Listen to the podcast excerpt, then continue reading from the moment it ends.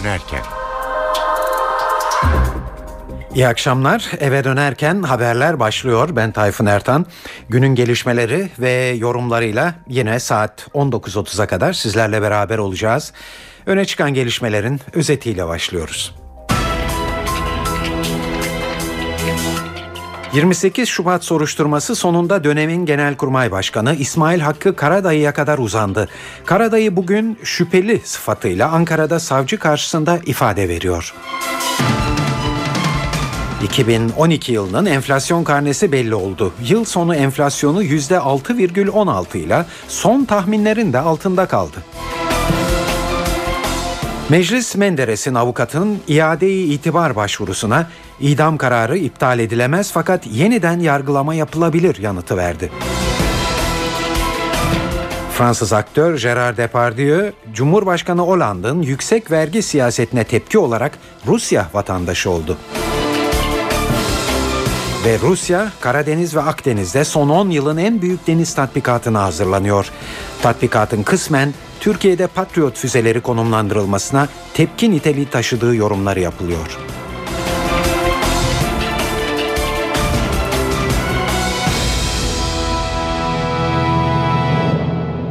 İyi akşamlar. 28 Şubat soruşturması sonunda dönemin Genelkurmay Başkanı İsmail Hakkı Karadayı'ya kadar uzandı. Karadayı bugün şüpheli sıfatıyla ifade vermeye çağrıldı.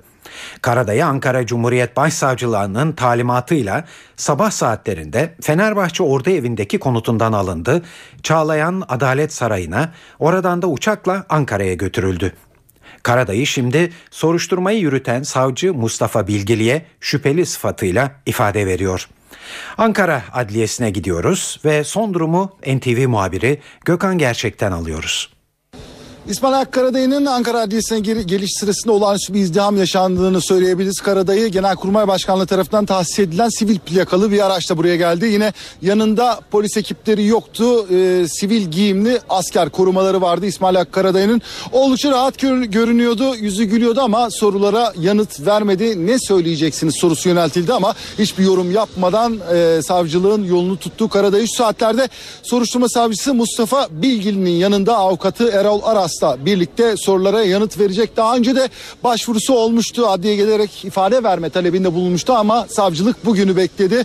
2013'ün ilk günlerinde e, ifade çağrısında bulundu. Yakalama, gözaltı ve arama kararı olmadan savcılık tarafından e, gönderilen bir ifade çağrısıydı. Bu kendi korumalarıyla birlikte tarifeli bir uçakta Ankara'ya geldi. Batı Çalışma Grubu savcılığın soruşturmasının ana dayanağını oluşturuyor. Savcılığa göre Batı Çalışma Grubu darbe oluşumu bugüne kadar Batı Çalışma Grubu grubunda görev yapan ve bu grubun varlığını kabul eden tüm isimler tutuklandı. Tutuklamaya sevk edildi. Ardından mahkeme tarafından tutuklandı. İsmail Hakkı Karadayı Batı Çalışma Grubu'ndan bilgisi olmadığını ifade etmişti. Hükümet aleyhine faaliyette bulunduğundan bilgisi olmadığını ifade etmişti. Yine tankların Sincan'da yürütülmesi akıllarda kalan bir görüntüydü. Tankların yürütülmesi tesadüftür demişti. NATO görevi için geç saatlerde birliklerine intikal eden zırhlı araçlar olarak yorumlamıştı.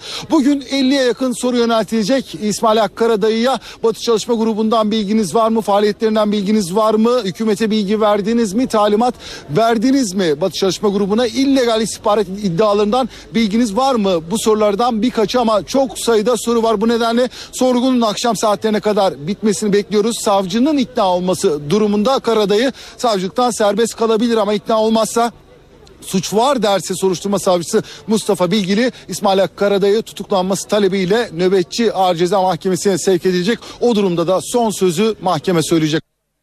Peki İsmail Hakkı Karadayı kimdir? Ve Karadayı'nın ifadeye çağrılmasına neden olan süreç nasıl gelişti? İsmail Hakkı Karadayı postmodern darbe olarak adlandırılan 28 Şubat döneminin genelkurmay başkanıydı. Ankara Cumhuriyet Başsavcılığı'nın yürüttüğü 28 Şubat soruşturmasında ilk gözaltılar 12 Nisan 2012 tarihinde yaşandı. Ardından yapılan operasyonlarda toplam 90 kişi gözaltına alındı. Emekli orgeneraller Çevik Bir, Fevzi Türkeri, İlhan Kılıç, Hikmet Köksal, Ahmet Çörekçi, Çetin Doğan, Teoman Koman gibi üst düzey komutanlarla eski YÖK Başkanı Kemal Gürüz'ün de aralarında bulunduğu 62 zanlı tutuklandı. Zanlılar 28 Şubat'ta tankların yürüdüğü Sincan'daki cezaevinde tutulmaktalar. Karadayı'nın ifade vermeye çağrılması da Sincan cezaevinde yatan isimlerden birinin dönemin Genelkurmay 2. Başkanı Çevik Bir'in suç duyurusuyla başladı. Çevik bir suç duyurusunda Karadayı'nın Meclis Darbeleri Araştırma Komisyonu'nda dile getirdiği Batı Çalışma Grubu'ndan haberim yok sözlerinin gerçeği yansıtmadığını söyledi. Çevik bir çalışmayı Genelkurmay Başkanı İsmail Hakkı Karadayı'dan aldığı emir ve direktiflere göre başlattığını ifade etti. Genelkurmay 2. Başkanı emekli orgeneral Çevik bir Genelkurmay eski başkanı İsmail Hakkı Karadayı hakkında bir suç duyurusunda bulundu dedik. Çevik bir talimatları Karadayı'dan aldık demekteydi. Ve işte zaten bu nedenle de Karadayı bugün Ankara'da ifade vermeye çağrıldı. Sabah gazetesi Ankara temsilcisi Okan Müderrisoğlu, Karadayı'nın neden savcılığa çağrıldığını ve soruşturma sürecini şöyle değerlendiriyor.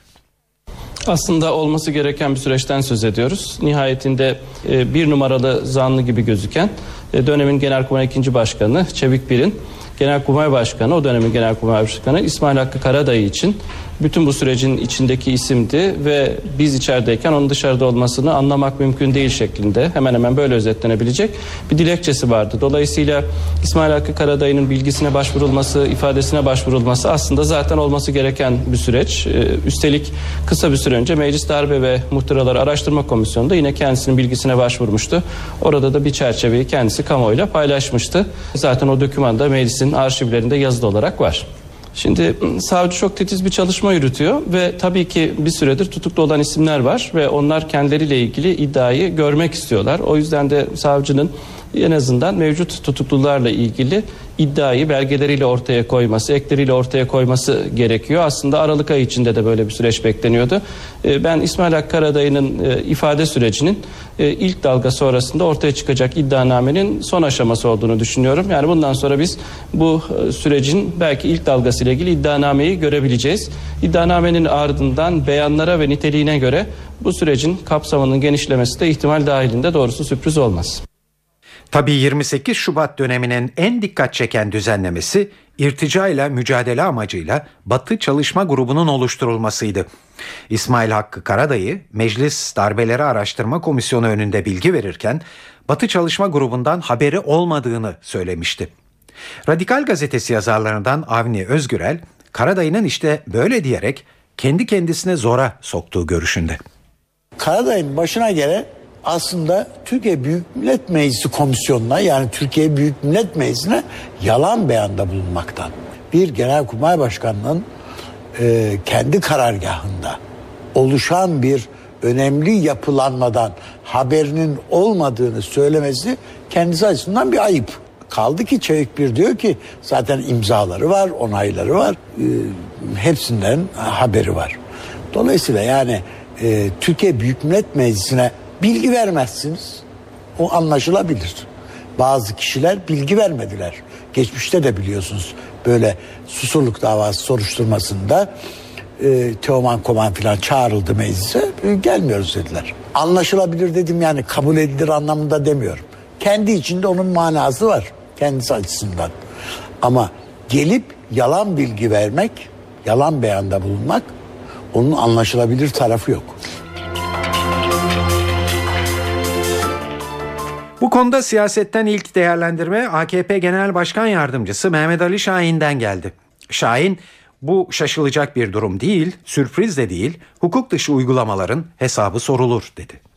Türkiye normalleşirken, e, daha güçlü bir demokrasiye doğru yol alırken, geçmişte yaşanmış olan demokrasi dışı, e, hukuk dışı bir takım uygulamalarının hesabının e, sorulmaması da mümkün değildir. E, konuyu e, tamamen bu çerçevede e, değerlendirmek gerekir. O dönemin sıkıntılarını e, yakinen ve bizzat yaşamış e, bir kişi olarak aradan yıllar geçtikten sonra Türkiye'nin e, geçmişte keyfi, hukuk dışı bir takım uygulamalarının hesabının yargı marifetiyle sorulmuş olması e, aslında e, Türkiye'de e, son yıllarda e, demokrasi açısından e, hukuk devleti olma açısından nedenli mesafe aldığımızı göstermektedir. Bu şaşılacak bir durum değil, sürpriz bir şey de değil. MHP ve CHP'den gelen tepkilere de geçeceğiz ama bir son dakika eklemede bulunalım. Ee, eski Genelkurmay Başkanı Karadayı'nın ifade vermekte olduğunu söyledik yayınımızı açarken e, savcı Mustafa Bilgili karşısında e, şu an ifade vermesinin e, sona erdiği e, haberini de bir son dakika gelişmesi olarak duyuralım ve tepkilerle devam edelim. Mecliste e, muhalefet temsilcilerinin düzenlediği basın toplantılarında da tabii gündem yine Karadayı'nın ifade vermesiydi. MHP Grup Başkan Vekili Oktay Ural şöyle diyordu. Yani yargı süreci bilemiyoruz ama tabii 28 Şubat'la ilgili bu ama 28 Şubat'ın hedeflediği siyasal yapılanma kimin sayesinde gerçekleştirmiştir? Kimin önünü açmıştır? CHP'li Aylin Nazlı Akaysa AKP'nin yargıyı kendi menfaatlerine alet ettiğini düşünüyor. Biz Cumhuriyet Halk Partisi olarak darbelerden en fazla zarar görmüş olan partiyiz. Ve biz her zaman demokrasiden, özgürlüklerden ve insan haklarından yana olan bir partiyiz. Bu anlamda adil yargılanma sürecine yönelik olan inancımızı her zaman korumayı isteriz, korumayı arzu ederiz. Ancak AKP'nin intikam alırcasına yargıyı e, alet etmesine dün olduğu gibi bugün de karşıyız.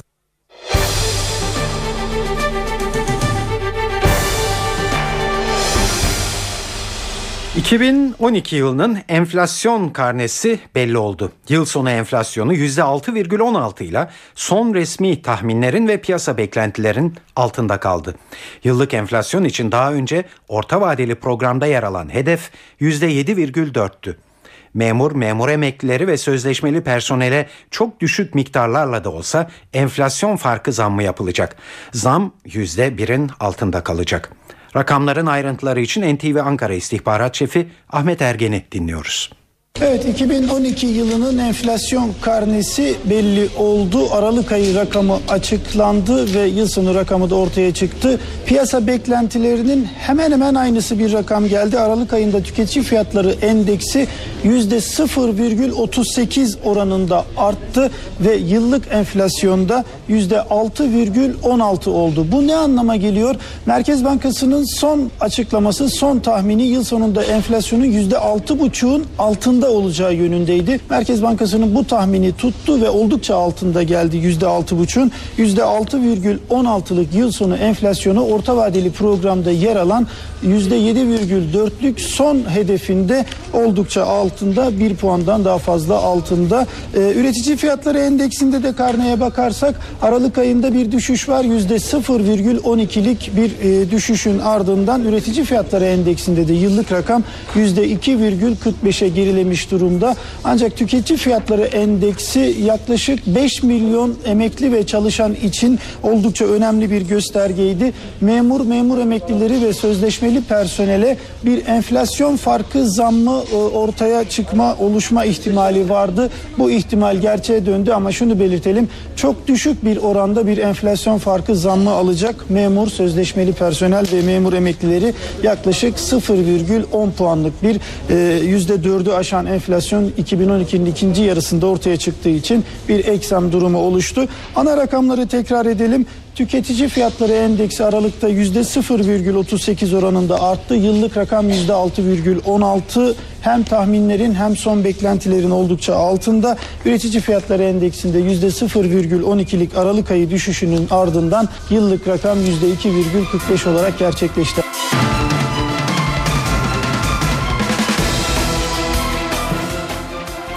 Saat 18.44 NTV Radyo'da eve dönerken haberlere bir ara vereceğiz. Ama İmralı'da Öcalan'la yürütüldüğü söylenen görüşmeler gündemin e, ilk sırasında yer alıyordu. Dün İmralı ile görüşme süreci tartışılırken Bugün BDP'den bir heyetin İmralı'ya giderek Abdullah Öcalan'la görüşmüş olduğu anlaşılıyor. Bu son dakika gelişmesini bir aradan sonra dinleyebileceksiniz.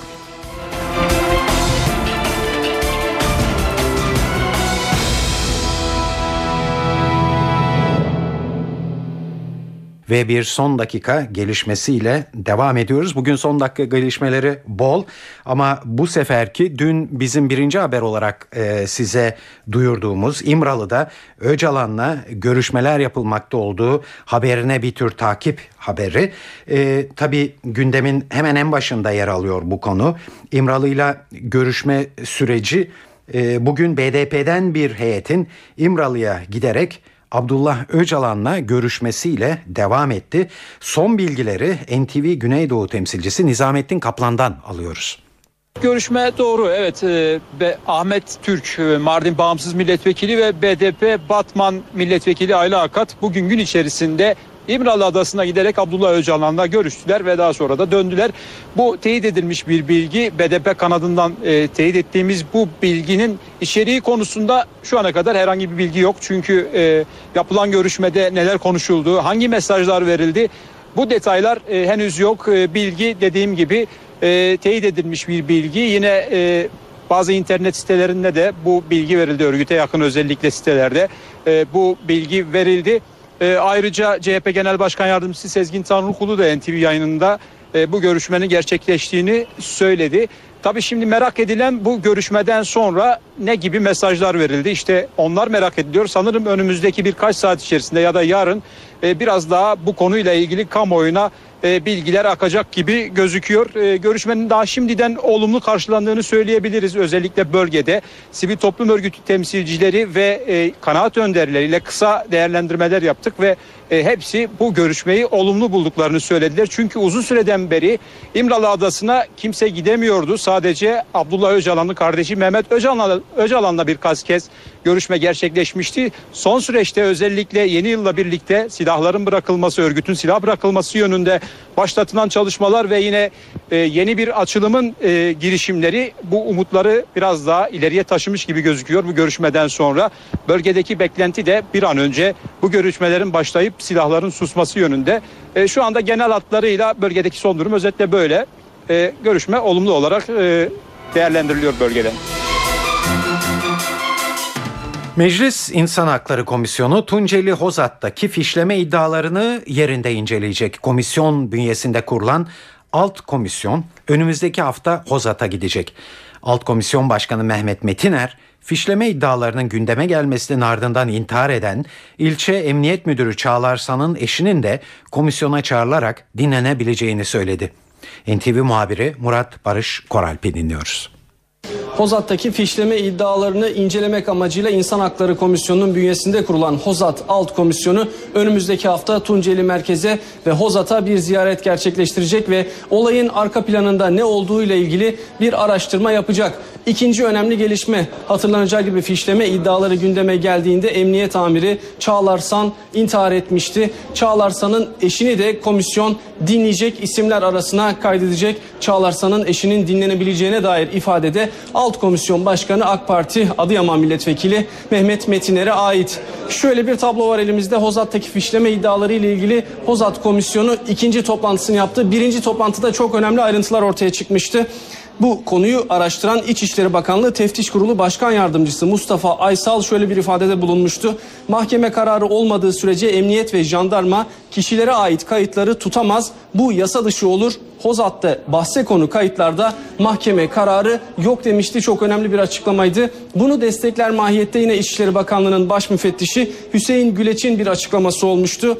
Böyle bir olaya cesaret edebilecek kamu görevlisinin çok cesur olması gerekir. Böyle kamu görevlilerinin halen çok sayıda kalmış olabileceğini sanmıyordum. Ta ki Hozat'a kadar demişti Mülkiye Baş Müfettişi. Ee, anlaşıldığı kadarıyla Hozat'taki iddiaları destekler mahiyette bulgular ele geçiriliyor. Bu bulguları da yerinde incelemek üzere Meclis İnsan Haklarını İnceleme Komisyonu bünyesinde kurulan Hozat Alt Komisyonu önümüzdeki hafta Hozat'ta olacak. Eski başbakanlardan Adnan Menderes hakkında verilen idam kararı iptal edilemez fakat yeniden yargılama yapılabilir. İşte Türkiye Büyük Millet Meclisi Menderes'in avukatının iade-i itibar başvurusuna bu şekilde cevap verdi. Milliyet gazetesindeki habere göre Meclis Hukuk Hizmetleri Başkanlığı Dilekçe Komisyonu'na gönderilen görüş yazısında Milli Birlik Komitesi kararlarının meclis tarafından iptalinin mümkün olmadığı belirtildi. Ancak yazıda yargılamanın yenilenmesi yoluna gidilmesinin uygun olacağı da belirtildi. Dilekçe Komisyonu Başkanı Mehmet Daniş konuyla ilgili bir açıklama yapacak. Menderes'in avukatı Burhan Apaydın meclis başkanlığına başvurarak yassada yargılamalarının hukuka aykırı olduğunu savunmuş ve idam kararının iptalini istemişti.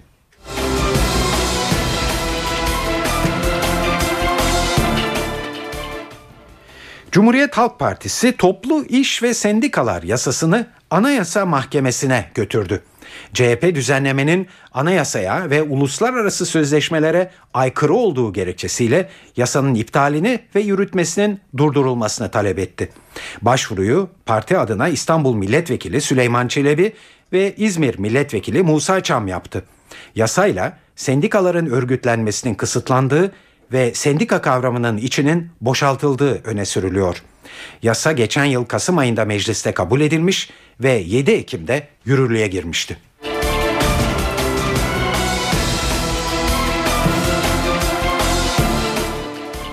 Dünyada ilk kez denenen çift kol çift bacak nakil ameliyatından sonra hayatını kaybeden Şevket Çavdar'ın ailesi Hacettepe Üniversitesi ve nakli deneyen doktor aleyhine 620 bin liralık tazminat davası açtı. Ailenin avukatları anne Fatma Çavdar için 300 bin, Çavdar'ın dört kardeşi için de 70'er bin lira manevi tazminat istiyor. Engelli maaşı alan Çavdar'ın aylığı kesildiği için de anneye ayrıca 20 bin lira maddi tazminat talep edildi. Sağlık Bakanlığı 24 Şubat 2012 tarihindeki başarısız operasyonun ardından Hacettepe Üniversitesi'nin nakil ruhsatını iptal etmişti.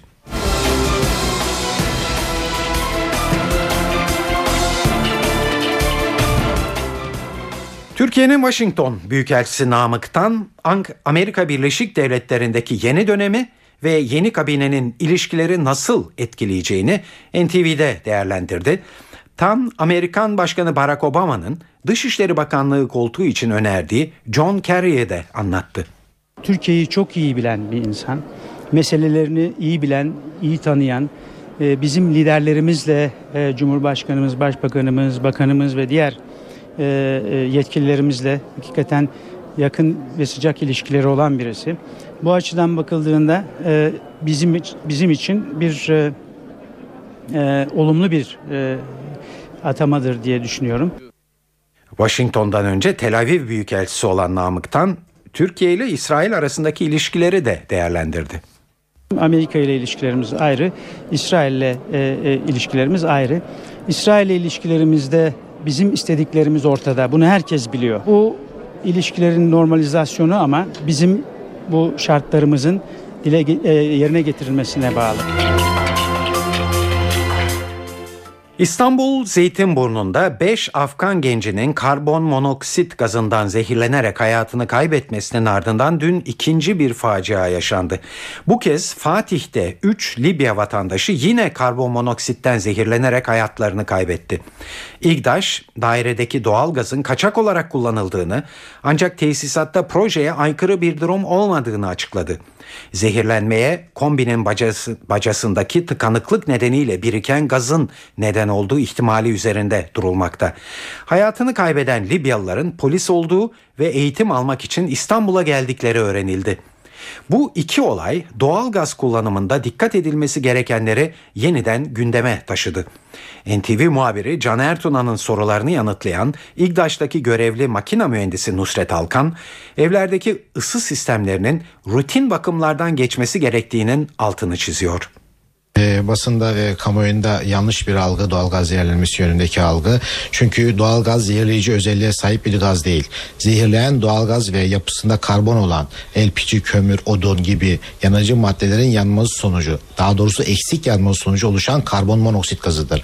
Ve bu gazın herhangi bir şekilde yaşam haline sızması neticesinde e, zehirlenme olayı gerçekleşir. Peki sorun nerede? O gazın yaşam haline sızması ne tür üretici veya tüketici ihmalleri sebeplerinden kaynaklanmakta. Aslında e, bu zehirlenme olaylarını meydana getiren bir birden çok oluşum var ve bunların hepsi aynı anda eş zamanlı olarak bir tesisatta meydana gelirse bu tür vahim olaylar e, oluşabilir. Şöyle ki e, normalde e, tüm e, fosil yakıtlar doğalgaza dahil olmak üzere eğer tam ve sağlıklı bir şekilde yakılırsa ortaya karbon monoksit gazı çıkmaz. Nedir bu karbonmonoksit gazının ortaya çıkmasının sebebi? Eksik hava ile yapılan yanmalar. Bunun için de e, bu tür bacalus e, kombilerimizin bulunduğu e, cihazlar e, her bir metreküp doğalgazı yakabilmek için ortamdan 10 metreküp hava kullanır. Bu havanın ortamdan sürekli e, azalmasından ötürü dış ortamdan takviyesi gerekir ki yanma sürekli tam kalitede olabilsin. Eğer tam kalitede değilse yanma bir karbon monoksit gazı oluşur bacada. Bu normalde e, oluşan bu karbon monoksit gazı Bacağımız eğer düzgünse bacadan dış atmosfere atılır. Gerçi bu durumda da bu yakıt cihazlarımızın tamamında kombilerimizde şopalar, sobalarımızda ve şofbenlerimizin tamamında bu tür e, geri tepmeleri hissedip yanmayı durduran e, teknolojik emniyet e, ekipmanları mevcuttur. Bu cihazda da vardır. Ancak bu ekipmanların e, çalışır vaziyette olması gerekir. Bunların kontrolü de cihazlarda yapılacak yıllık periyodik bakımlarla. Kim yapacak bu bakımları? Yetkili servisler. Bak altıncılara söylüyoruz. Kesinlikle cihaz bakımlarını e, yetkisiz kişilere yaptırmayalım. Mutlaka yetkili servisler cihaz bakımlarını yılda bir e, yapsınlar. Abonelerimiz bu konuda servisler arasınlar. İstanbul'daki yol durumuyla devam ediyoruz eve dönerken haberlere. Ee, Büyükşehir Belediyesi Trafik Kontrol Merkezi'nden Murat Kazanasmas'a başvuruyoruz. Mutlu akşamlar. Trafik yoğunluğu hem Anadolu yakasında hem de Avrupa yakasında diğer akşamlara göre daha sakin geçiyor ve Çamlıca'da Altunizade yönünde henüz tam olarak yoğunluk başlamadı. Altunizade trafiği ve sonrasında oluşan yoğunluksa köprü yönünde devam etmekte. Fatih Sultan Mehmet Köprüsü'nün yoğunluğu biraz daha fazla. Şu anda ne kadar Ataşehir Ümraniye arası açık gibi gözükse de sonrasında köprü yönünde ve köprü girişindeki yoğun trafik başladı. Ümraniye katılımı sonrasında köprüye doğru yaklaştıkça yoğunluk devam ediyor. Bu noktada ters yönde köprü çıkışında da Ataşehir Kozyağı istikametinde yoğunluk var ki izlediğimiz nokta bu noktada en yoğun olan güzergah. Avrupa Anadolu geçişinde Boğaziçi Köprüsü'nün girişi ve köprü üzerindeki yoğunluk devam ediyor. Yoğunluk Hürriyet Tepesi ve sonrasında başlıyor. Fatih Sultan Mehmet Köprüsü'nde ise köprü girişiyle birlikte köprü üzerindeki yoğunluk etkili olmaya başladı. Özellikle bu noktada gişeler ve sonrasındaki yoğunluk dikkat çekmekte. Haliç'in üzerinde Topkapı istikametinde yoğun trafik yer yer artarken Ok Meydanı Çağlayan, Ok Meydanı Kasımpaşa dönüşlerinde yoğunluk henüz etkili olmadı. Bu arada Küçükçekmece'de Florida istikametinde yoğun trafik etkili ama asıl yoğunluk ters yönde. Bu noktada küçük çaplı bir kaza vardı ve şu anda Florya sonrasında Küçükçekmece bağlantı noktalarında da hareketli bir trafik var. Özetle geride kalan 5 günün en rahat trafiği yaşanıyor İstanbul genelinde. Tabii yoğun olan noktalar var ama akıcılık şehir içi trafiğinde nispeten daha etkili. Hoşçakalın. Evet güzel haber e, yollardakiler için ender de olsa zaman zaman böyle günler yaşanabiliyor. Gelelim para ve sermaye piyasalarında neler olup bittiğine bugün CNBC'den Enis Şenerdam anlatıyor. İyi akşamlar. Küresel piyasalarda ABD'de mali uçurum sorunu çözüldü algısının yarattığı iyimserlik kısa sürdü. Dün %2'lerin üzerinde yükselen borsalar bugün artan endişelerle birlikte tekrar düşüşte. Özellikle ABD'de borç tavanı konusunun Şubat ayında gündeme geleceği beklentisi yatırımcıları tedirgin ediyor. İMKB ise yurt dışından olumlu ayrışmayı sürdürüyor. Türkiye'nin 2013'te güçlü büyüme yakalayacak ender ülkeler arasında olacağı beklentisi ve yeni bir not artırımının yolda olduğu tahminleri borsayı destekliyor. İMKB tarihinde ilk kez 80 bin seviyesini aşarak rekor tazeledi. Borsada kapanış %0.50'lik primle 80.033 seviyesinden gerçekleşti. Para piyasalarında dolar talebi var. Dün 1.33'e kadar yükselerek 9 ayın zirvesini gören Euro dolar paritesi bugün 1.31 üzerinde tutunmaya çalışıyor. Dolar TL'de ise görece daha yatay bir seyir var. Kur 1.78'in hemen altından günü tamamladı. Tahvil piyasasında düşük hacimli bir satış baskısı söz konusu. Gösterge tahvilin faizi %6.20'yi aşarak günü kapattı. Merkez Bankası'ndan yeni faiz indirimlerin gelmeyeceği beklentisi tahvilde satışa neden oluyor. Evet bir de isterseniz yurt genelinde e, hava tahminlerine e, bakalım. Hafta sonunda kar geliyor. NTV Meteoroloji Editörü Gökhan Abur'a kulak veriyoruz. İyi akşamlar.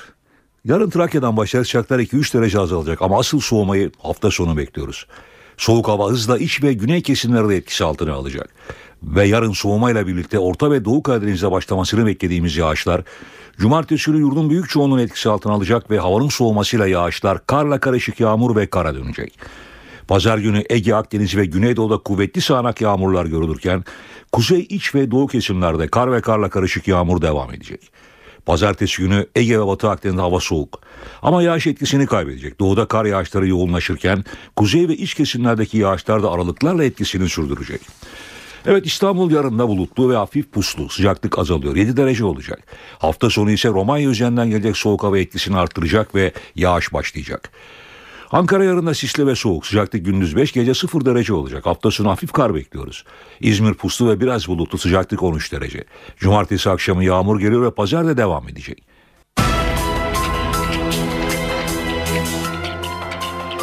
Evet iki önemli gelişme var. Hızla özetleyeyim isterseniz arada dinlemeye başladıysanız bizi iki e, olay da bizim yayınımız sırasında gerçekleşti. 28 Şubat soruşturması e, sonunda dönemin Genelkurmay Başkanı İsmail Hakkı Karadayı'ya kadar uzandı malum. Karadayı bugün şüpheli sıfatıyla Ankara'da savcı karşısında ifade verdi ve ifade süreci sona erdi. Şimdi e, savcının ne gibi bir karar alacağına e, bakacağız. Bu kararı bekliyoruz. Mahkeme karşısına e, çıkartılacak mı e, Karadayı diye. İkinci gelişme ise e, İmralı'da Abdullah Öcalan'la görüşmeler yapıldığı haberini hatırlayacaksınız dünden e, bugüne. E, bugün de BDP'den bir heyet İmralı'da görüşme yaptı Öcalan'la. Bunlar e, günün son gelişmeleriydi.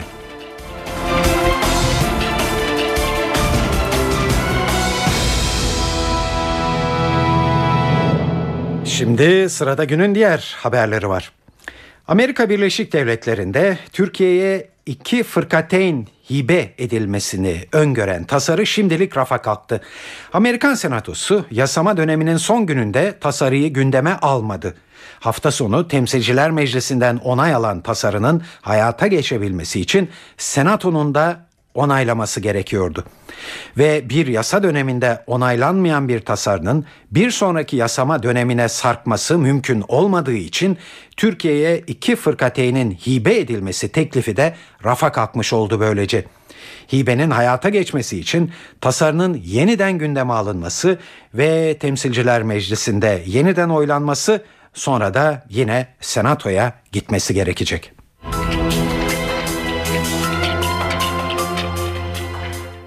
Pakistan'ın önde gelen Taliban komutanlarında Molla Nazır dün gece Amerikan insansız hava araçlarınca düzenlenen bir saldırıda öldürüldü. Kuzeybatıdaki aşiret bölgesi Güney Veziristan'a düzenlenen saldırıda Molla Nazır'ın yanı sıra en az 13 kişi daha hayatını kaybetti. Molla Nazır, Afganistan'daki Taliban hareketine destek olmak ve yabancı güçlerle savaşmak üzere örgüte militan sağlamakla suçlanıyordu. Molla Nazır'ın öldürülmesinin Washington'la İslamabad arasında tartışmaya yol açabileceği konuşulmakta. Zira Pakistan'daki yetkililerin kendi askerlerini hedef almaması için Molla Nazır'la anlaşma içinde olduğu belirtilmekte.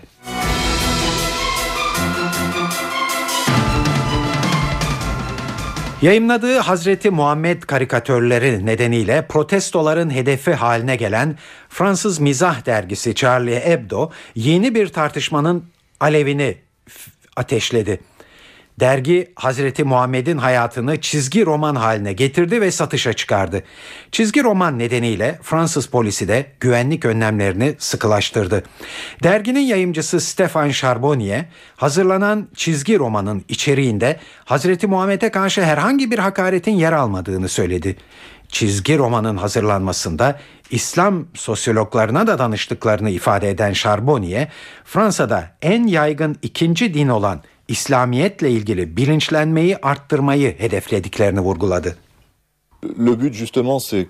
Hazreti Muhammed'i karikatürleştirirken küçük düşürmek gibi bir niyetimiz yok. Esas aşırı uçtakiler ve teröristler onun imajını zedeliyor. Biz çizimlerimizle bir denge yaratmak istiyoruz. Amacımız sorun yaratmak değil. Fransa'da tıpkı diğer dinler gibi İslamiyetle ilgili konuşabilmeyi istiyoruz. Çünkü burada çoğu insanın bu konuda yeterli bilgisi yok. Suriye'de şiddet durmuyor ve ölü sayısı her geçen gün artıyor. Konuyla ilgili son veriler Birleşmiş Milletler'e ait. Birleşmiş Milletler'in hükümet ve muhalifler de dahil 7 kaynağı karşılaştırarak hazırladığı rapora göre ülkede yaklaşık 2 yıldır devam eden şiddet olaylarında 60 binden fazla kişi hayatını kaybetti. Birleşmiş Milletler araştırmasında ayrıca gerçek ölü sayısının bunun çok üzerinde olabileceği de belirtiliyor. Araştırmaya göre ölenlerin %76'sı erkek ve şiddetten en fazla etkilenen bölgeler Şam'ın kırsalı ve Humus kenti.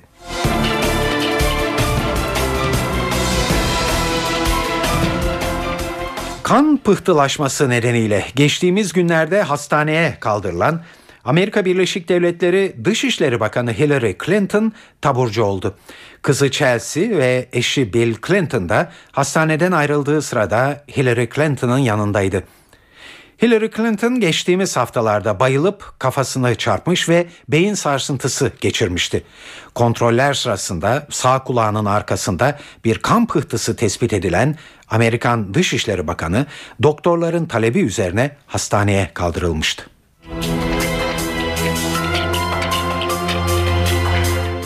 Rusya Karadeniz ve Akdeniz'de geniş kapsamlı bir tatbikata hazırlanıyor.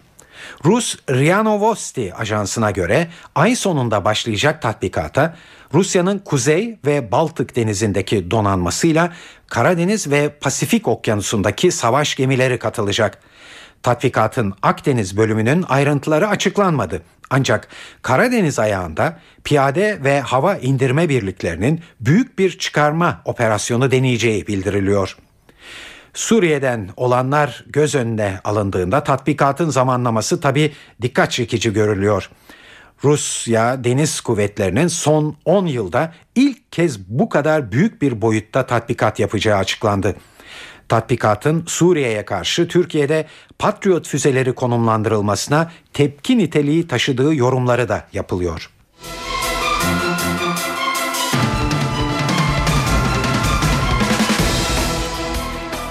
İran Devlet Televizyonu Amerika Birleşik Devletleri'ne ait olduğu iddia edilen iki insansız hava aracının görüntülerini yayınladı. İran Deniz Kuvvetleri Yardımcısı Tu Amiral Emir Rastegar, Amerika Birleşik Devletleri'ne ait insansız hava araçlarının 2011 yılı Ağustos ayında ve 2012 yılında Kasım ayında İran Hava Kuvvetleri birimleri tarafından yere indirildiğini söyledi. İranlı komutan iki araca ait bilgilerin askeri uzmanlarca tamamen deşifre edildiğini de ifade etti. İran geçtiğimiz Aralık ayında da Amerika'ya ait bir insansız hava aracını ele geçirdiğini açıklamıştı. Amerika ise bölgede kaybolan hava aracı olmadığını duyurmuştu o zaman.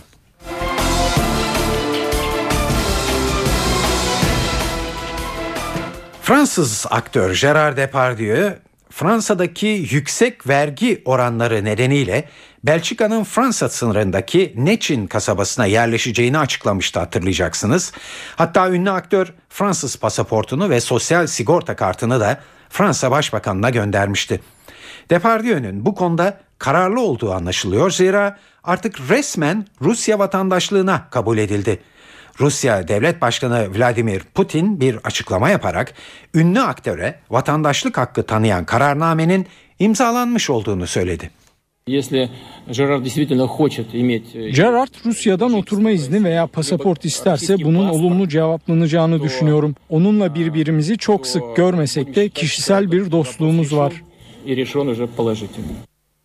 İşin ilginci Depardieu'nun itiraz ettiği ve Fransız zenginlerini tedirgin eden yeni vergi düzenlemesi Fransız anayasasıyla uyumlu olmadığı gerekçesiyle Anayasa Konseyi engeline takıldı.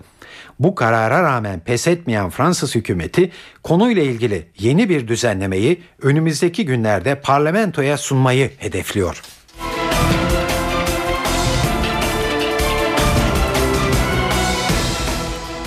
Fransa'da Lübnan doğumlu bir iş adamı, eski Cumhurbaşkanı Nicolas Sarkozy'nin Libya'nın eski lideri Muammer Kaddafi'den 50 milyon euro seçim hibesi kabul ettiğini iddia etti. Eski Fransa Cumhurbaşkanı ile ilgili bu iddia Lübnan doğumlu Fransız iş adamı Ziyad Takiyettin'den geldi. Takiyeddin Fransa'da bir mahkemeye verdiği ifadede Sarkozy'nin 2006-2007 başkanlık seçim kampanyasının büyük ölçüde Trablus tarafından finanse edildiğine dair elinde kanıt olduğunu söyledi. Takiyeddin Kaddafi'den gelen paranın Sarkozy'nin seçimi kazanmasından sonra da devam ettiğini ileri sürdü. Geçmişte de buna benzer iddialar ortaya atılmış ancak yalanlanmıştı. Sarkozy'nin yakın çevresi bu iddiaları şimdi de reddetmekte. Ancak iddiaların doğru olduğu kanıtlanırsa bu tabi Nicolas Sarkozy için büyük bir utanç kaynağı olacak. Zira 2011 yılında Libya'ya NATO hava operasyonu başlatılmasında Sarkozy başı çekmişti.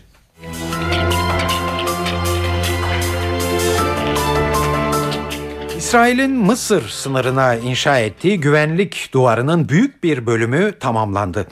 230 kilometre uzunluğunda ve 5 metre yüksekliğindeki duvarın güney cephesinin bitmesi üzerine yapılan törene Başbakan Benjamin Netanyahu da katıldı. Projenin önemli destekçilerinden olan Netanyahu, İsrail'in kaçaklar ve teröristlere karşı ciddiyetini bir kez daha gösterdiğini ileri sürdü. Bu iş bittiğinde önce İsrail şehirlerine izinsiz girişleri engelleyeceğiz. Sonra da o şehirlerde yaşayan kaçakları göndereceğiz. İsrailli yetkililer kaçak göçmenlerin kentlerdeki şiddet olaylarını tırmandığını ileri sürüyor. Kaçak göçmenler ağırlıklı olarak Sudan ve Fil dişi sahillerinden geliyor. İsrail'e göre Mısır'daki siyasi karmaşadan faydalanan terör grupları da rahatlıkla sınırdan İsrail tarafına geçebiliyor. İki yıldır süren duvarın 14 kilometrelik son kısmının 3 ay içinde tamamlanması hedefleniyor.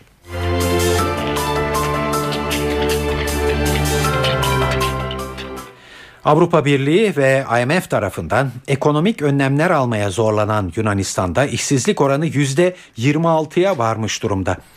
Durum böyle olunca işsizlik karşısında alternatif çözümler üzerinde de durulmaya başlandı. Örneğin Yunanistan'ın liman kenti Patras'ta açlıkla mücadele eden yoksullara yardım için Gıda Bankası kuruldu. Hayırseverlerin bağışlarıyla ayakta duran Gıda Bankası ihtiyaç sahiplerine ilaç yardımı da yapıyor. Gıda Bankası'ndaki görevliler başvuruların sayısının her geçen gün arttığını söylüyor. Bir yıl önce bir işim vardı. Ev kiramı ödeyebiliyor ve aileme bakabiliyordum. Şimdi işsizim. Evi de terk etmek zorunda kaldık. Bir tanıdığımızın yanında yaşıyoruz. Gıda bankası da olmasa aç kalacaktık. Durumumuz çok kötü. Çocuğum süt istiyor ama ona süt alacak paramız yok. İş bulamıyorum. Kiramı ödeyemediğim için sokağa atılabilirim. Gıda yardımı sayesinde karnımızı doyuruyoruz.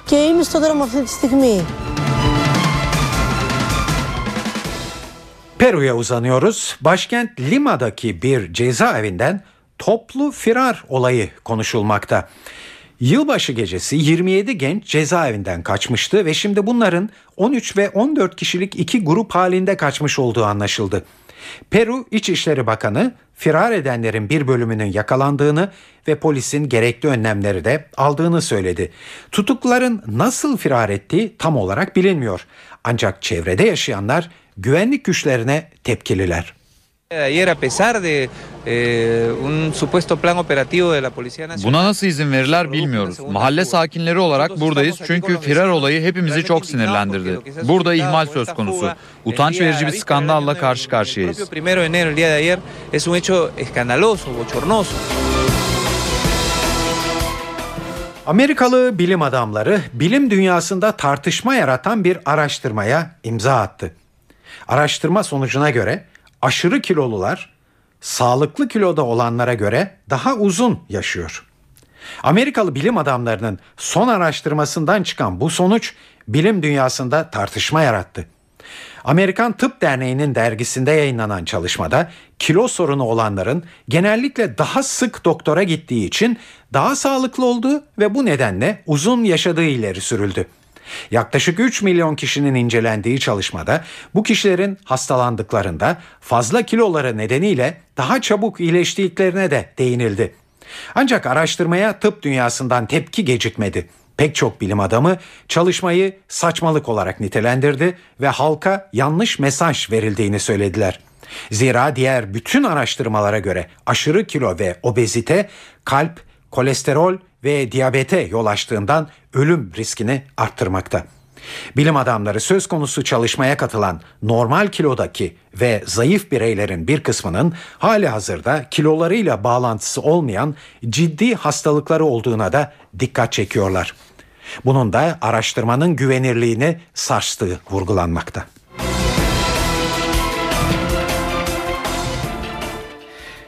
Evet şimdi günün öne çıkan haberlerini özetleyeceğiz. Ee, bir ara vermeden önce 28 Şubat soruşturması sonunda dönemin Genelkurmay Başkanı İsmail Hakkı Karadayı'ya kadar uzandı. Karadayı bugün şüpheli sıfatıyla Ankara'ya götürüldü ve savcı karşısında ifade verdi.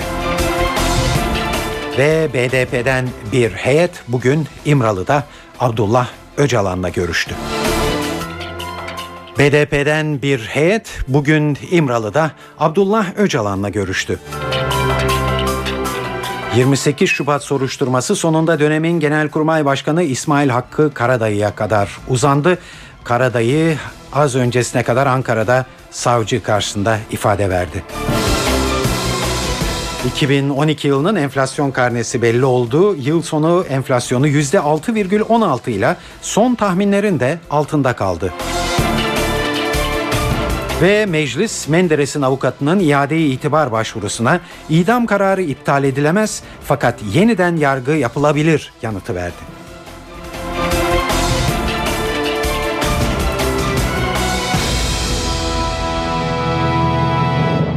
Şimdi bu haberlerin ayrıntılarına geçiyoruz. İmralı'da Öcalan'la yürütüldüğü belirtilen görüşmeler ülke gündeminin yine ilk sırasına geçiverdi. İmralı'yla görüşme süreci bir yandan tartışılırken bugün bir yandan da BDP'den bir heyet İmralı'ya gitti ve Abdullah Öcalan'la görüştü. Son bilgileri NTV Diyarbakır temsilcisi Nizamettin Kaplan'dan alıyoruz. Görüşme doğru evet e, Ahmet Türk e, Mardin Bağımsız Milletvekili ve BDP Batman Milletvekili Ayla Akat bugün gün içerisinde İmralı Adası'na giderek Abdullah Öcalan'la görüştüler ve daha sonra da döndüler. Bu teyit edilmiş bir bilgi. BDP kanadından e, teyit ettiğimiz bu bilginin içeriği konusunda şu ana kadar herhangi bir bilgi yok. Çünkü e, yapılan görüşmede neler konuşuldu, hangi mesajlar verildi bu detaylar e, henüz yok. E, bilgi dediğim gibi e, teyit edilmiş bir bilgi. Yine e, bazı internet sitelerinde de bu bilgi verildi örgüte yakın özellikle sitelerde e, bu bilgi verildi. E, ayrıca CHP Genel Başkan Yardımcısı Sezgin Tanrıkulu da NTV yayınında e, bu görüşmenin gerçekleştiğini söyledi.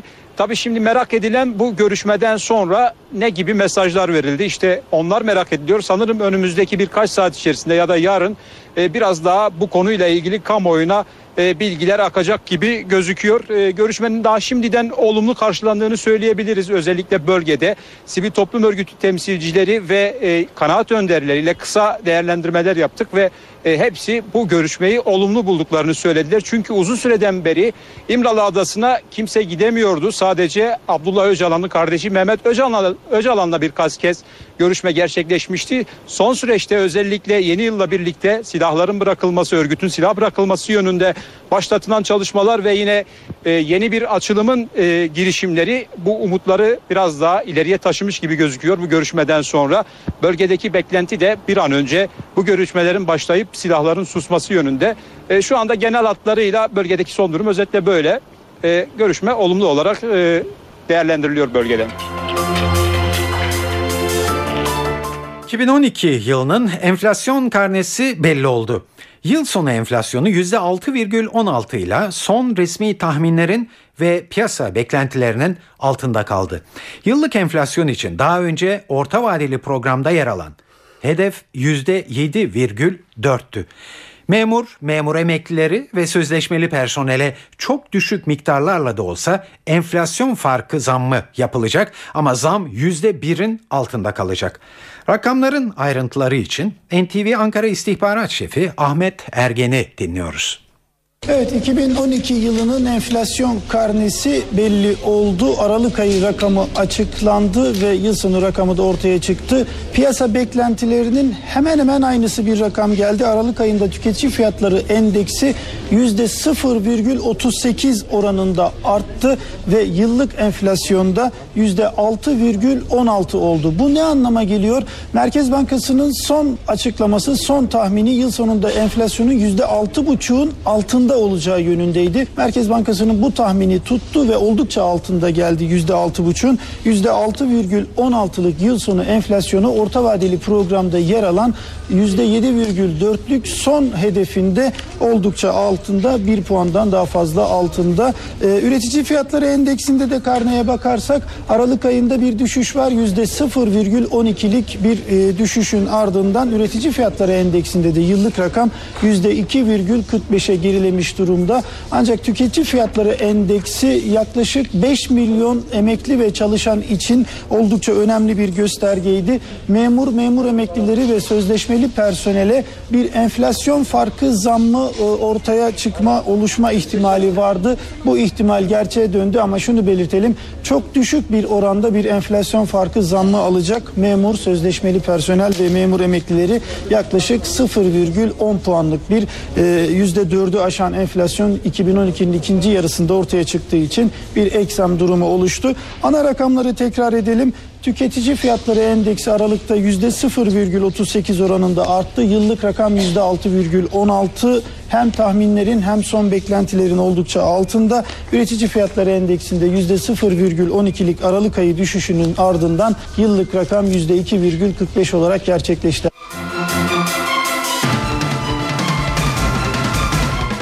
...28 Şubat soruşturması sonunda dönemin Genelkurmay Başkanı İsmail Hakkı Karadayı'ya kadar uzandı.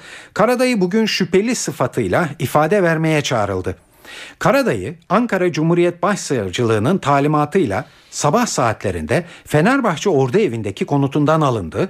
Çağlayan Adalet Sarayı'na götürüldü. Oradan da uçakla Ankara'ya götürüldü. İsmail Hakkı Karadayı şimdi soruşturmayı yürüten savcı Mustafa Bilgeli'ye şüpheli sıfatıyla ifade verdi. Ankara Adliyesi'ne gidiyoruz ve son durumu NTV muhabiri Gökhan gerçekten öğreniyoruz. Sorgu 3,5 saat süren sorgu sona erdi. Soruşturma savcısı Mustafa Bilgili'nin kararı bekleniyor. Dönemin Genelkurmay Başkanı İsmail Hakkı Karadayı e, tutuklama talebiyle mahkemeye mi sevk edilecek yoksa savcılık tarafından serbest mi bırakılacak? Bu sorunun yanıtını az sonra bulacağız. Tam bir saattir Mustafa Bilgili'nin önünde tam 83 soru yöneltildi İsmail Hakkı Karadayı'ya. Dönemin fotoğrafını çeken sorularda bunlar daha çok medyaya yansıyan sorular, e, medyaya yansıyan konu konular ve olaylarla ilgili sorulardı. Tabi Batı Çalışma Grubu'nun faaliyetleri darbe iddiaları da yine İsmail Hakkaradayı'ya sorulan 83 soru arasında yer aldı. Ee, iddia darbe iddiası Refah Yol hükümetine karşı darbe iddiasıyla bu sorular yöneltildi. Mustafa Bilgili ne karar verecek? Serbest mi bırakacak e, İsmail Hakkaradayı yoksa tutuklama mı talep edecek? Önümüzdeki dakikalarda bu soru yanıt bulacak. İsmail Hakkı Karadayı postmodern darbe olarak adlandırılan 28 Şubat döneminin Genelkurmay Başkanıydı. Ankara Cumhuriyet Başsavcılığı'nın yürüttüğü 28 Şubat soruşturmasında ilk gözaltılar 12 Nisan 2012'de yaşanmıştı. Ardından yapılan operasyonlarda da toplam 90 kişi gözaltına alındı. Emekli orgeneraller Çevik Bir, Fevzi Türkeri, İlhan Kılıç, Hikmet Köksal, Ahmet Çörekçi, Çetin Doğan, Teoman Koman gibi üst düzey komutanlarla eski YÖK Başkanı Kemal Gürüz'ün de aralarında bulunduğu 62 zanlı tutuklandılar ve zanlılar 28 Şubat'ta tankların yürüdüğü bir tür sembolik yer haline gelen Sincan'daki cezaevinde tutulmaktalar şimdi. Evet bu konu tabi siyasetin e, gündemine de girdi yoğun bir şekilde ve ilk değerlendirmeler geldi siyasetçilerden. AKP Genel Başkan Yardımcısı Mehmet Ali Şahin bu şaşılacak bir gelişme değil, sürpriz de değil, hukuk dışı uygulamaların hesabı sorulur dedi. Türkiye normalleşirken, e, daha güçlü bir demokrasiye doğru yol alırken geçmişte yaşanmış olan demokrasi dışı, e, hukuk dışı bir takım uygulamalarının hesabının e, sorulmaması da mümkün değildir. E, konuyu e, tamamen bu çerçevede e, değerlendirmek gerekir. O dönemin sıkıntılarını e, yakinen ve bizzat yaşamış e, bir kişi olarak aradan yıllar geçtikten sonra Türkiye'nin e, geçmişte keyfi, hukuk dışı bir takım uygulamalarının hesabının yargı marifetiyle sorulmuş olması e, aslında e, Türkiye'de e, son yıllarda e, demokrasi açısından e, hukuk devleti olma açısından nedenli mesafe aldığımızı göstermektedir. E, bu e, şaşılacak bir durum değil, sürpriz bir şey de değil. Mecliste muhalefet temsilcilerinin düzenlediği basın toplantılarında da gündem Karadayı'nın ifadeye çağrılmasıydı. MHP Grup Başkan Vekili Oktay Vural şöyle diyordu. Yani yargı süreci bilemiyoruz ama tabii 28 Şubat'la ilgili bu ama 28 Şubat'ın hedeflediği siyasal yapılanma kimin sayesinde gerçekleştirmiştir? Kimin önünü açmıştır? CHP'li Aylin Nazlı Akaysa AKP'nin yargıyı kendi menfaatlerine alet ettiği görüşünde. Biz Cumhuriyet Halk Partisi olarak darbelerden en fazla zarar görmüş olan partiyiz. Ve biz her zaman demokrasiden, özgürlüklerden ve insan haklarından yana olan bir partiyiz. Bu anlamda adil yargılanma sürecine yönelik olan inancımızı her zaman korumayı isteriz, korumayı arzu ederiz. Ancak AKP'nin intikam alırcasına yargıyı e, alet etmesine dün olduğu gibi bugün de karşıyız. Evet bir son dakika gelişmesini hemen ekleyelim. Bültenimizde az önce size duyurduk. 28 Şubat soruşturması e, sonunda Genelkurmay Başkanı İsmail Hakkı Karadayı'ya kadar uzandı dedik. Karadayı bugün e, Ankara'da e, soruşturmayı yürüten savcı Mustafa Bilgeli'ye şüpheli sıfatıyla ifade verdi. Üç buçuk saat sürdü bu ifade verme süreci ve sonunda savcı Bilgili Karadayı'yı tutuklanması talebiyle mahkemeye sevk etti. Son gelişme olarak tekrarlayalım eski Genelkurmay Başkanı Karadayı tutuklanması talebiyle mahkemeye gönderildi. Saat 19.16 NTV Radyo'da eve dönerken haberleri dinliyorsunuz. E, programımızın bu bölümünü son e, dakika gelişmeleriyle e, açalım. 28 Şubat soruşturması sonunda dönemin Genelkurmay Başkanı İsmail Hakkı Karadayı'ya kadar uzandı. Karadayı bugün şüpheli sıfatıyla Ankara'da savcı karşısında 3,5 saat ifade verdi ve bir e, 10 dakika kadar önce de savcı Bilgili Karadayı'yı tutuklanması talebiyle mahkemeye sevk etti. Bir ikinci önemli daha gelişme oldu. Yine bu yayınımız e, sırasında BDP'den bir heyet İmralı'da Abdullah Öcalan'la bir görüşme yaptı. Diğer haberlerle devam edelim. Eski başbakanlardan Adnan Menderes hakkında verilen idam kararı iptal edilemez fakat yeniden yargılama yapılabilir. Türkiye Büyük Millet Meclisi Menderes'in avukatının iade-i itibar başvurusuna işte bu şekilde cevap verdi. Milliyet gazetesinin haberine göre Meclis Hukuk Hizmetleri Başkanlığı dilekçe komisyonuna gönderilen görüş yazısında Milli Birlik Komitesi kararlarının meclis tarafından iptalinin mümkün olmadığı belirtildi. Ancak yazıda yargılanmanın yenilenmesi yoluna gidilmesinin uygun olacağı da kaydedildi. Dilekçe Komisyonu Başkanı Mehmet Daniş konuyla ilgili bir çalışma yapacak. Menderes'in avukatı Burhan Apaydın meclis başkanlığına başvurarak yassa da yargılamalarının hukuka aykırı olduğunu savunmuş ve idam kararının iptalini istemişti.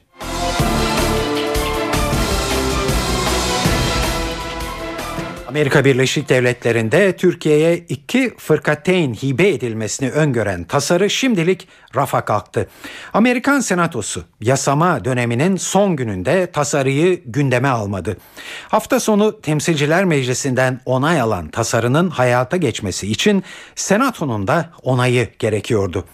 Bir yasama döneminde onaylanmayan bir tasarının bir sonraki yasama dönemine sarkması mümkün olmadığı için Türkiye'ye iki fırkateynin hibe edilmesi teklifi de rafa kalkmış oldu böylece. Hibenin hayata geçmesi için tasarının yeniden gündeme alınması ve Temsilciler Meclisi'nde yeniden ayrıca Senato tarafından da onaylanması gerekecek.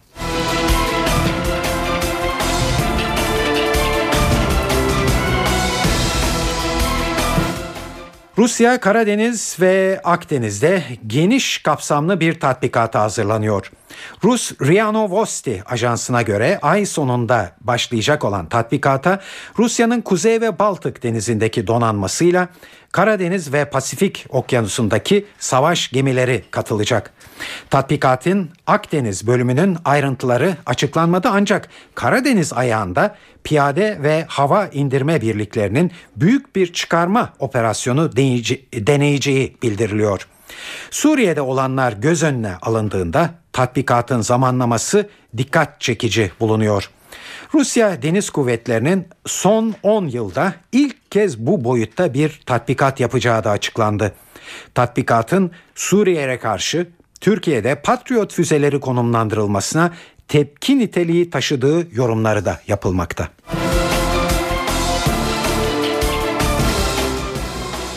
Şimdi birkaç futbol haberi var sırada. Elazığ Spor Fenerbahçe'de bir türlü forma şansı bulamayan Kamerunlu forvet Bienvenu için gün saymaya başladı.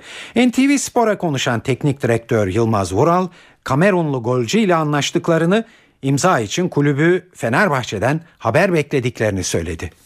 Sevgili Aykut'la konuştum. Ee, kendisi bu konuda bize e, hoş bakıyor, iyi bakıyor. Ee, Aziz Bey'e e, haber yolladık. Sağ olsun ulaşamadık ama o da bize e, geri döndü. Aykut'la konuştuktan sonra bu konuda karar vereceğini söyledi. Bekliyoruz. Burada olmasını istiyoruz. Yani bizim Bienveli ile ilgili bir sorunumuz yok. Kendisiyle konuştuk, anlaştık. Fenerbahçe Kulübü'nün müsaadesini bekliyoruz. Basketbolda Turkish Airlines Euroleague Top 16'nın ilk haftasında galibiyet alamayan Anadolu Efes bugün Yunanistan'dan Panathinaikos'la karşılaşacak. Anadolu Efes Top 16'da ilk hafta CSK Moskova'ya deplasmanda 90-71 yenilmiş. Panathinaikos ise Zalgiris Kaunas'a 67-66 yenmeyi başarmıştı. Abdi İpekçi Spor Salonu'nda saat 21.45'te başlayacak mücadele NTV Spor'dan canlı yayınlanacak. Zorlu maç hakkında açıklama yapan baş antrenör Oktay Mahmuti, top 16'daki her maç çok zor geçer ama biz yeni yılın ilk maçını kazanmak istiyoruz dedi.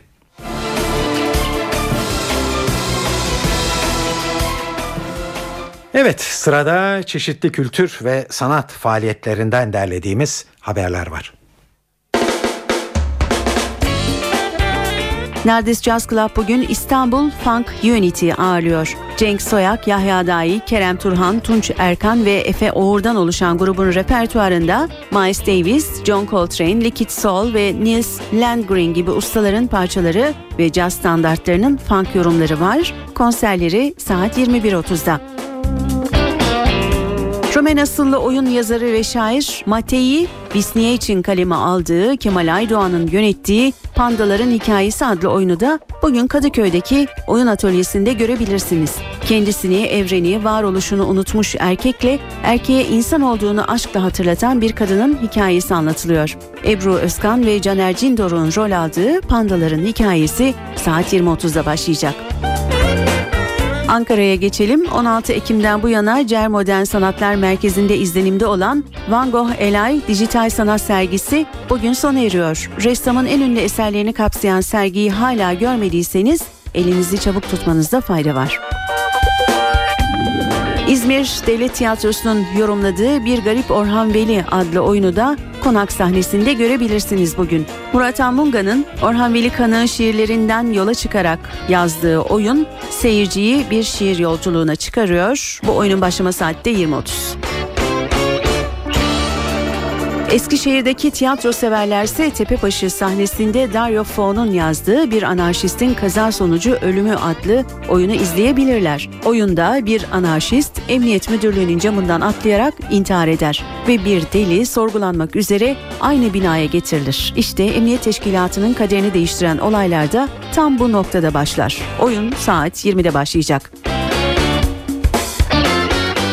CNBC-E'de de bugünden itibaren Kamçılı Adam'dan Jack Ryan'a kadar birçok meşhur karaktere hayat veren gerçek bir Hollywood efsanesi olan Harrison Ford'un filmlerini izleyebilirler. Ekranda bugün Witness adlı film olacak. Annesiyle birlikte seyahat ederken bir cinayete tanık olan küçük bir çocuğun öyküsü anlatılıyor bu filmde. Filmin başlama saati 22. Susan Collins'in aynı adlı romanından uyarlanan The Hunger Games açlık oyunları da televizyonda ilk kez bu akşam Star TV'de gösterilecek.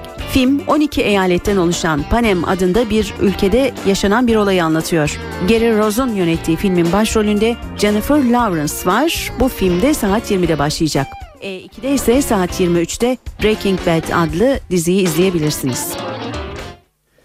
Evet eve dönerken haberler bu akşam burada sona eriyor. Hızla özetleyelim iki son dakika gelişmesi bu yayın sırasında gelişen. 2 Şubat 28 Şubat döneminin Genelkurmay Başkanı e, Karadayı tutuklanması talebiyle az önce mahkemeye sevk edildi. Bir de BDP'den bir heyet bugün İmralı'da Abdullah Öcalan'la görüştü. Eve dönerken haberlerin bu akşam editörlüğünü Onur Koçaslan, stüdyo teknisyenliğini İsmet Tokdemir yaptı. Ben Tayfun Ertan. Hepinize iyi akşamlar diliyoruz. Hoşçakalın.